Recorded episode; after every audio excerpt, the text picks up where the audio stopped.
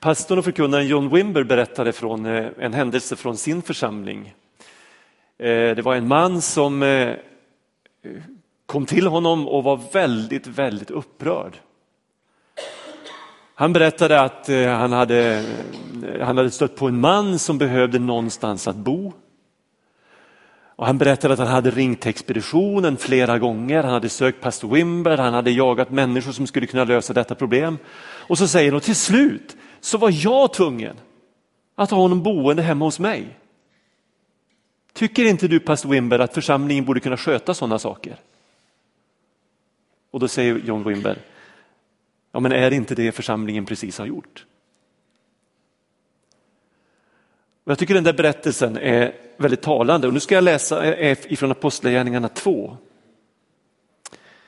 Ifrån eh, den 41 versen. Några verser framåt. Välkända ord för många bibelläsare. För någon kanske det är nytt. De som, tog, de som tog till sig Petrus ord lät döpa sig. Och den dagen ökade det troendes antal med inemot 3000.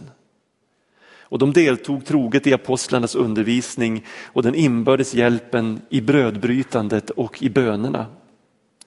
Alla människor bävade, många under och tecken gjordes genom apostlarna. De troende fortsatte att samlas och hade allting gemensamt. De sålde allt vad de ägde och hade och delade ut åt alla efter vars och ens behov.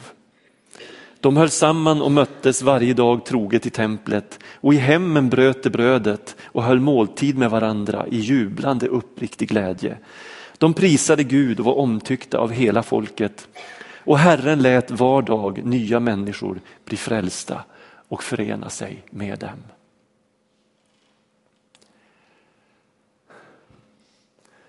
Nu ska jag göra någonting som jag inte gör ofta, men ni ser så väldigt, väldigt allvarliga ut. Att jag tappar min frimodighet. Kan, kan vi inte resa på oss, titta på varandra, säg något snällt till varandra. Eh, inse att ni är lyckligt lottade som får vara här idag.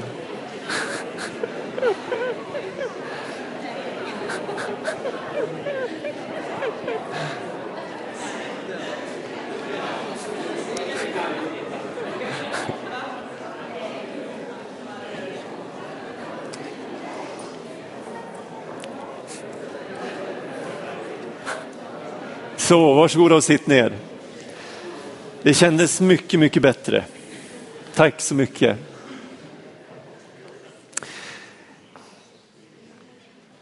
Dagens predikan kommer att vara lite grann av en introduktion eller kanske en aptit, aptitretare vad man ska säga inför nästa söndagspredikan där jag också ska predika från Apostlagärningarna 2. Då är det pingstdag och vi ska tala om den helige andes viktiga uppgift. Ehm, och vårt behov av den helige ande. Kanske är det så när man är föreståndare i en församling att man bär församlingen i sitt hjärta på ett ganska unikt sätt. Ofta kan jag säga att när jag ber för församlingen och när jag, när jag tänker på församlingen, vilket jag gör i stort sett jämt, så är min bön och min tanke och min längtan att vi skulle beröra eh, det samhälle där vi finns.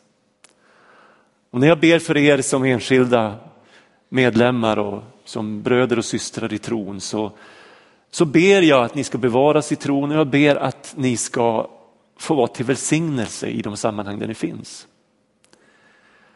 Eh, för mig är det församling, det är när vi lever Kristus i våra vardagsliv. Och när vi är inriktade på att våra liv ska, ska göra en skillnad överallt där vi finns. Och jag ber så själv och jag för, försöker själv leva på det sättet att de människor som jag möter, jag ber att de på något sätt ska bli berörda av, av någonting gott.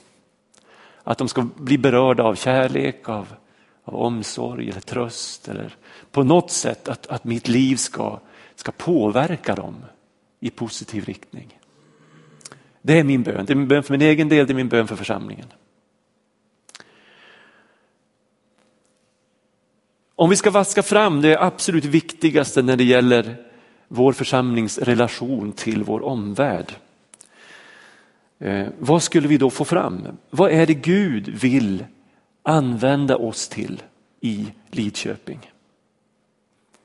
Vad är det som skulle få Lidköpingsbor att välja den här församlingen framför allt annat? Det är ju en jätteviktig fråga.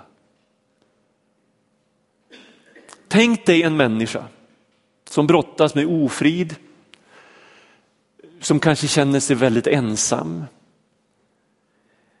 En människa som kämpar med sin självbild i sin ensamhet.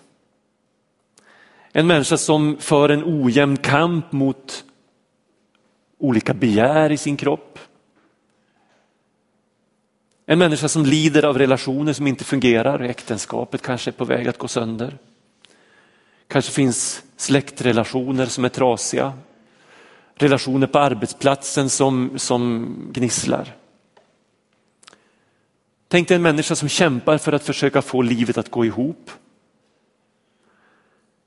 Som sliter med ekonomin. Som kanske kämpar mot sjukdom.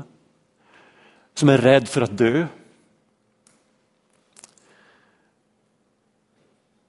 En människa som försöker hantera sorgerna i livet. Och som inte känner Gud. Som inte tänker på Gud, räknar med Gud. Eller har någon relation till Gud. Vad pratar vi om för människor? Vi pratar om en helt vanlig Lidköpingsbo. Som ännu inte känner Gud. Därför att det är ju så här människor har det. Det här är ju livet när vi skalar bort allt det där eh, ytliga och det vi så att säga eh, skyltar, skyltar upp mot vår omgivning. Vad skulle få en sån människa att komma till oss? Trivas i vår gemenskap och stanna. Jag läste en äldre kvinnas vittnesbörd. Hennes livsresa hade kännetecknats av mycket av det som jag räknade upp när jag nu försökte beskriva en, en människas inre brottning. Hennes liv hade kännetecknats av besvikelse, av omoral, av trasighet. Och så berättar hon. Det var någon som bjöd mig hit till kyrkan och här kände jag mig accepterad. Så jag fortsatte att gå. Gudstjänsterna var kreativa och predikningarna berörde mig och jag kunde inte låta bli att lyssna. Jag fick höra evangeliet och fick veta att jag var älskad trots min bortvändhet och trots min synd. Och så fortsätter hon att berätta om sin frälsningsupplevelse, om sitt andliga växande i den här gemenskapen, om sitt deltagande i en, i en, en bönegrupp, en cellgrupp. Och också hur hon har fått utveckla det som hon har upptäckt är hennes gåva. Den som Gud har lagt ner i hennes liv. Och den här enkla berättelsen som den här kvinnan ger personifierar drömmen om församlingen. För det är ju inget mer än detta som jag ber om. Än att människor ska, ska komma och finna det som hon fann. Och få upptäcka ett liv som, som blir som hon beskriver det här. Det är det som är livet. Med stort L. Drömmen om församlingen, jag gissar att du också har drömmar om församlingen. Den måste i viss mån vara kollektiv. Visionen om församlingen måste förkunnas och förkunnas och förkunnas igen. Tills den genomsyrar allt vi tänker och allt vi gör. Atmosfären när vi möts som troende, som till exempel här i, idag, den måste andas äkthet. Den måste andas äkta kärlek, äkta omsorg. Och jag blir ofta väldigt glad när jag frågar människor som är i vår kyrka för första gången och jag säger hur upplevde du gudstjänsten? Så får vi väldigt ofta det vittnesbördet att det känns så varmt och gott här. En god gemenskap. Och det är otroligt viktigt att det finns en äkthet i gemenskapen. Bönen måste vara gemensam. Intresset och kärleken till, till bibelordet måste vara gemensamt. Och den helige ande behöver vara utgjuten i gemenskapen. Samtidigt måste den här visionen vara personlig. Så att den, den helt genomsyrar ditt personliga liv, ditt vardagsliv, hur du tänker, det du säger och det du gör. Du behöver älska Jesus Kristus av hela ditt hjärta och du behöver älska andra människor med Kristi kärlek. Du behöver ha ett personligt böneliv. Du behöver ha ett personligt bibelstudium och du behöver ha en daglig personlig relation med den helige ande. Varför? Därför att i en självupptagen, trasig och syndfull värld så är det bara möjligt att få se en förändring, en varaktig förändring om Kristi kärlek fyller våra liv. Och dit finns bara en enda väg och det är att umgås med honom. Umgås med honom i bönen, i ordet, genom den helige ande så att du allt mer tänker, säger och gör det han tänker och vill säga och vill göra. Den sista raden i den här bibeltexten vi läste den lyder så här. Och Herren lät varje dag nya människor bli frälsta och förena sig med dem. Och jag frågade tidigare, vad skulle få människor i vår stad att komma till församlingen och stanna? Och mitt enkla svar är kärlek och kraft. Kärlek och kraft. Det finns ett intressant uttryck i texten som lyder så här, den inbördes hjälpen. Man höll fast vid den inbördes hjälpen. Och jag tycker det där lilla uttrycket innefattar både kärlek och kraft. Jag ska läsa några berättelser från eh, en bok som heter Kyrkan som rev murarna mot världen. Angie kör in på parkeringen som hon brukar varje måndagkväll. Men den här kvällen fortsätter hon förbi sin vanliga parkeringsruta och ställer bilen bredvid ingången till kyrkans vaktmästeri. När hon så promenerar bort till huvudingången så tackar hon Gud tyst för sig själv. En gång till.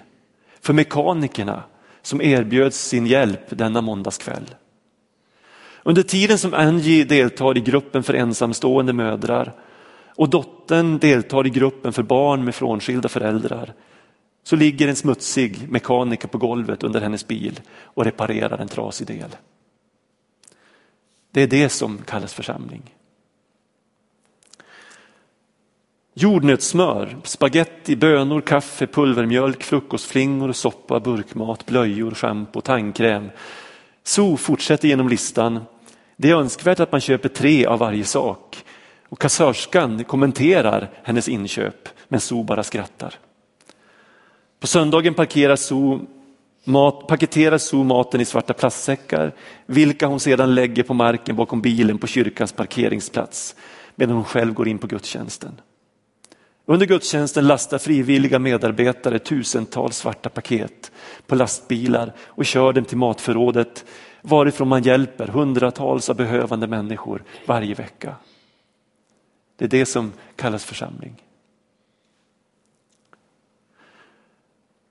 Den unge mannen gråter under det att han berättar om ett sexuellt övergrepp på barn som är så grymt att offret, hans egen fru, har förträngt det i 15 år.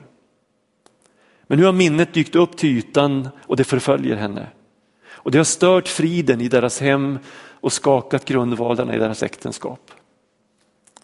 Både han och hon är ledare i församlingen men nu känner de sig hjälplösa och rädda. Mannen sitter omgiven av vänner. När han avslutar sin berättelse reser sig en man och lägger sin hand på hans axel. En annan man lägger sin hand på hans arm. En kvinna fattar hans hand. Strax är han uppfångad i en kollektiv omfamning. Helt stilla börjar vännerna be för honom. Under nästan en timme stiger deras böner till himlen för hans skull.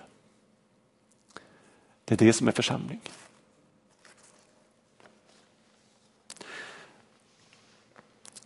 Det är intressant att titta på pingstväckelsens historia. Jag vet inte om ni har läst P.O. Enquists bok Levis resa. Har ni inte gjort det så tycker jag att ni ska göra det för den är verkligen läsvärd. Inte minst för sådana som jag och ni som är yngre än mig, som är kanske tredje och fjärde generationens pingstvänner. Den boken för oss i kontakt med våra rötter. Om jag ska ge några exempel på hur, vad, som kunde, vad som hände i, i den, där, den där första församlingen i Stockholm, Levi Petrus baptistförsamling som blev pingstförsamling.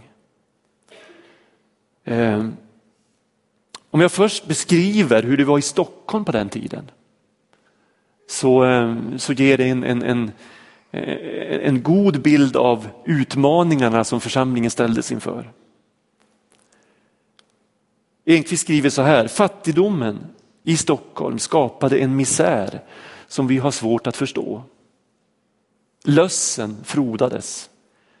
Alkoholen var ett gigantiskt problem.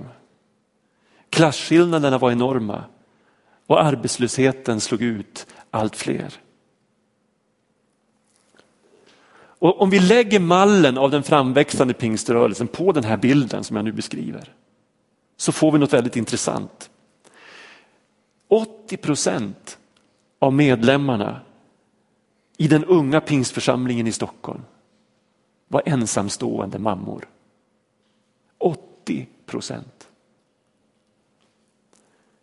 De allra flesta var förvärvsarbetande låginkomsttagare. Medelåldern låg runt 30 år. Navet i verksamheten var givetvis öppenheten för den helige ande, men i lika hög grad det sociala engagemang som församlingen hängav sig åt. Bespisningar och härbergen för arbetslösa och hemlösa slukade en stor del av församlingens insamlade pengar. Och den verksamheten bara växte och växte.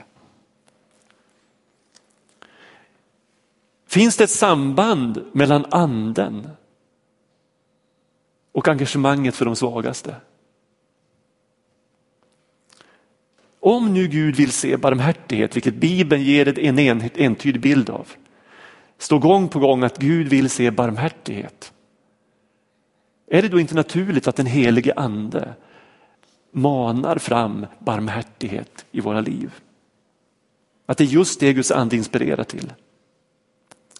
När den unge Levi Petrus höll sin första predikan i den lilla baptistförsamlingen på Uppsalagatan i Stockholm bestående av 29 medlemmar så mitt i predikan så, så avbryter han och säger jag har ett förslag på en portalparagraf i våra kommande stadgar. Och så läser han upp till eh, det han skulle vilja ha som, som första text i, i församlingens stadgar. Och så säger han, Filadelfiaförsamlingen i Stockholm är en förening av bekännare av den evangeliska lutherska trosläran vilka slutit sig samman för gemensamma gudstjänster och inbördes uppbyggelse och med det särskilda målet att ta hand om och ge vård åt fattiga eller på annat sätt hjälpbehövande barn. Upprätta och hjälpa fallna män och kvinnor på rätt väg och att efter förmåga hjälpa nödställda och utöva kristlig människovänlig verksamhet Det måste vara en av de märkligaste portalparagrafer i, i en stadga, i stadga för en pingstförsamling som någonsin har skrivits. Han fick inte igenom det här. Inte då. Utan han fick en mängd kommentarer från församlingen. Ska inte stan sköta det? Och så vidare. Fem år senare så klubbar församlingen de här stadgarna. Därför att då har man sett frukten av den vision som Levi Petrus hade vid det här tillfället. Jag vet inte vad du har tänkt när du har funderat på våra rötter och pingstväckelsens framväxt, men den bild som P.O. Enquist tar fram i den här boken Levis resa har nästan chockerat mig. Så genuint. Så mycket kropp, så mycket svett, så mycket arbete. Det berättas att under sitt första år i församlingen så sov inte Levi Petrus speciellt mycket. Så han arbetade kopiöst det året och det, hela den sommaren, den första sommaren, så sov han bland uteliggarna på församlingens härbergen. Han kom i, i kostym till, till gudstjänsterna med löss och han fick församlingens protester. Och, och man tyckte att det, det, det, det passade sig inte att församlingens föreståndare levde på det sättet. Men med sitt liv så formade han en församling och en gemenskap som kom att påverka vår huvudstad vid den tiden. Hur mycket berodde på Levi Petrus? Antagligen en hel del. Men vi måste också fråga oss hur mycket berodde på den helige ande. Och det är intressant att se hur Levi Petrus, som ju föddes i Vargön, som var pastor under en period här i Lidköping, där han också startade eh, ett kvinnohem bland annat under den korta tid han var föreståndare här i baptistkyrkan. Han säger om sig själv, åtminstone i sina svagaste stunder. Eh, Enquist eh, Enqvist beskriver det så här. Då sörjde han över sitt förnuft. Han menade stundtals att det grå förnuft han tycktes präglad av kanske gjorde honom olämplig som förkunnare. Likt en grå sten vilade han bland trons extatiska barn. Några månader innan Levi Petrus dog 1974 så fick han frågan vad han själv värderade högst av allt han gjort. Och då ska vi komma ihåg att det var en ganska, ganska omfattande verksamhet som han då skulle ta ställning till. Och Då säger han så här. Jag tror att jag utan tvekan kan säga vad som har betytt allra mest. Det är mitt arbete bland nödens barn. De nödställda människor jag hjälpt på fötter. Det är det största av allt. Levi Petrus liv lär oss att det här med att bli fylld av anden inte handlar om att koppla bort förnuftet eller att bli världsfrånvänd. Precis tvärtom. Att bli fylld av anden det är att bli vänd till den här världen. För att med Guds hjärta och Guds kärlek se de människor vi möter och fylla behoven. Hur ser det ut idag?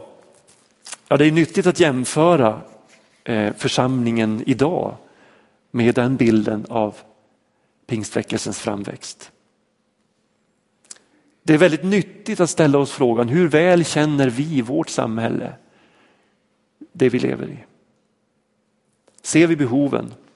Om vi ser dem, är vi inställda på att fylla dem?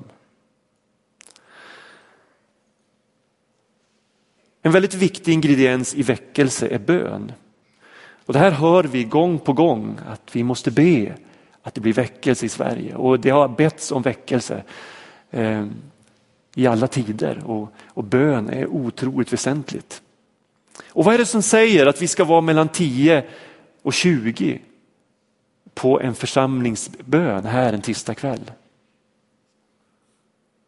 Vad är det som säger att vi inte ska vara mellan 75 och 100?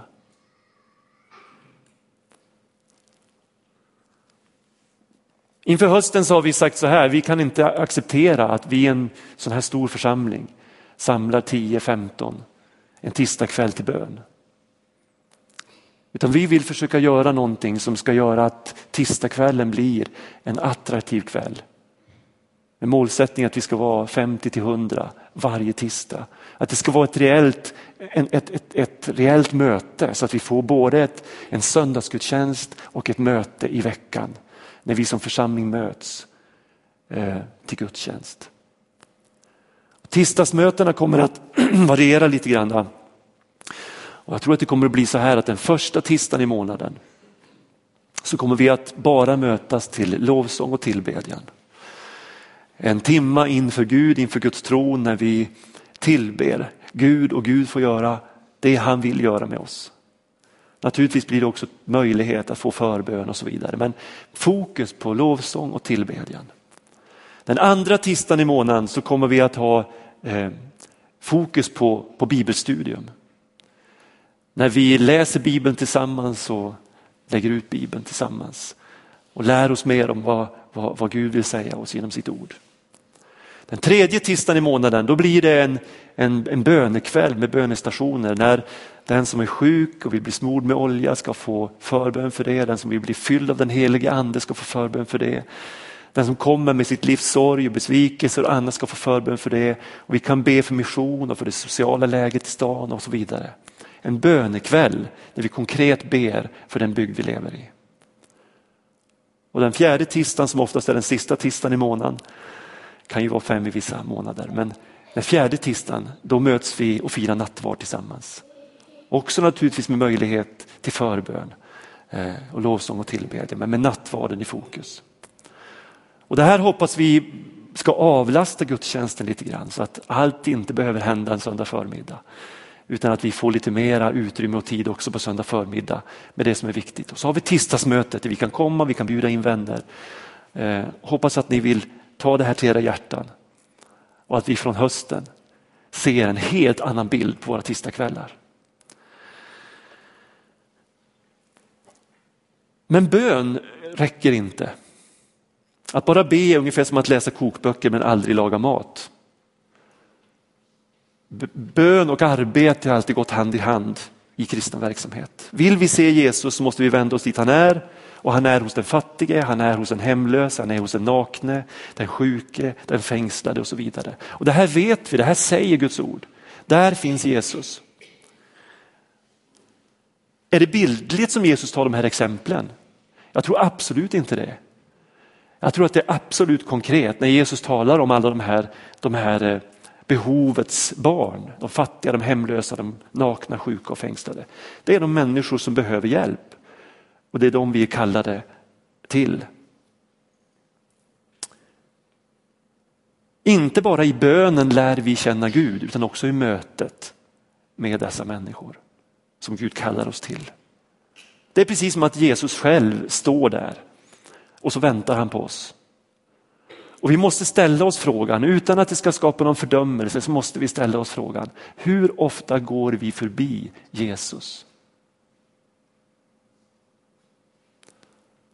Hur ofta står han där i någon av dessa minsta och vi går kanske till och med nonchalant förbi?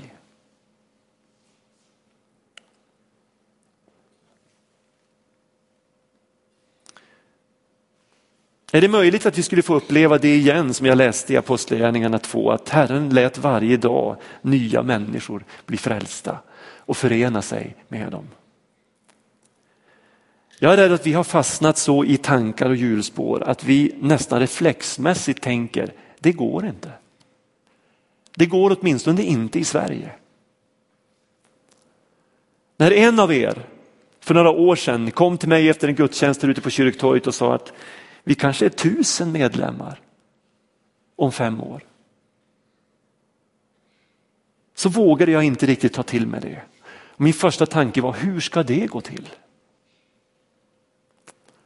Vi behöver riva ner de här tankebyggnaderna och börja tänka större. Det går. Och tycker vi att nya varje dag är ett alldeles för stort steg så kanske vi vågar börja tänka nya varje månad. Varje månad vill Gud låta nya människor komma in i gemenskapen. Om vi tar alfa som exempel, vi har vant oss att det ska vara mellan 10 och 20 på en alfakurs. Men någonstans inom mig så bär jag den här drömmen att vi skulle vara 50 varje termin. Och jag har sagt det många gånger i församlingen och jag fortsätter att säga det. Jag tror att det är möjligt. Hur många har under de här 12 åren som vi har bjudit in till alfakurser frågat en vän, en medmänniska. Vill du gå med mig på Alfa? Många har säkert gjort det. Men kanske inte alla. Vi kan få ett nej, men vad gör det? Du kanske får ja nästa gång. Och frågar du aldrig så får du definitivt aldrig ja. Så ju fler vi frågar desto större chans är det att människor säger ja. Och jag skulle önska att vi alla funderar redan nu om det finns någon som, som vi skulle vilja bjuda med på en alfakurs till hösten. Det är nämligen så att den som går en alfakurs löper väldigt stor risk att bli en kristen. Åtminstone att ta ett rejält kliv närmare Gud. Det här lilla vittnesbördet idag har jag velat peka ut en riktning. Och vi kan inte som församling gå i den riktningen med mindre än att vi var och en personligen tar det här till våra hjärtan och går i den riktningen.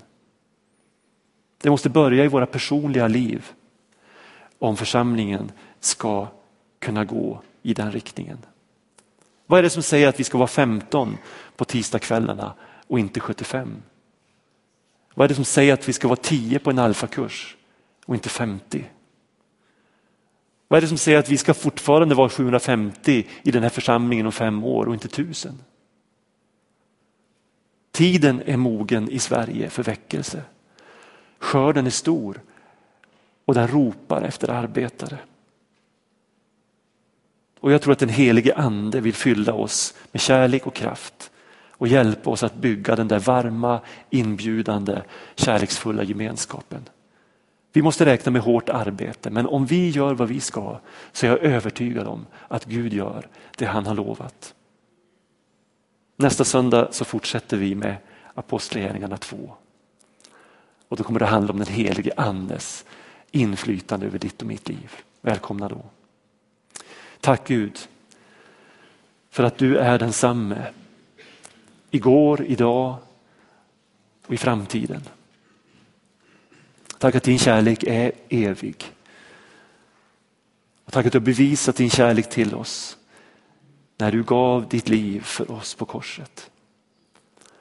Tack att du dog för att ensamheten och splittringen, varje människas bortvändhet skulle vändas till närhet och gemenskap och helande.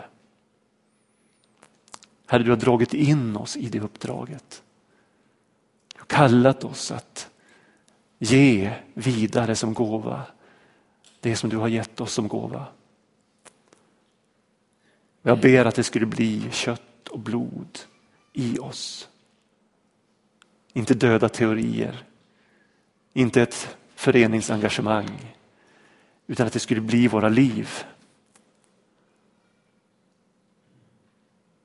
24 timmar om dygnet, sju dagar i veckan.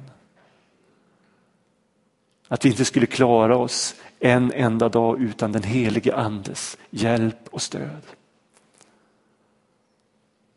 Jag bara ber Gud att nu när vi firar nattvard att vi ska få komma inför din tron. Först och främst i glädje, i glädje över att allt är fullbordat.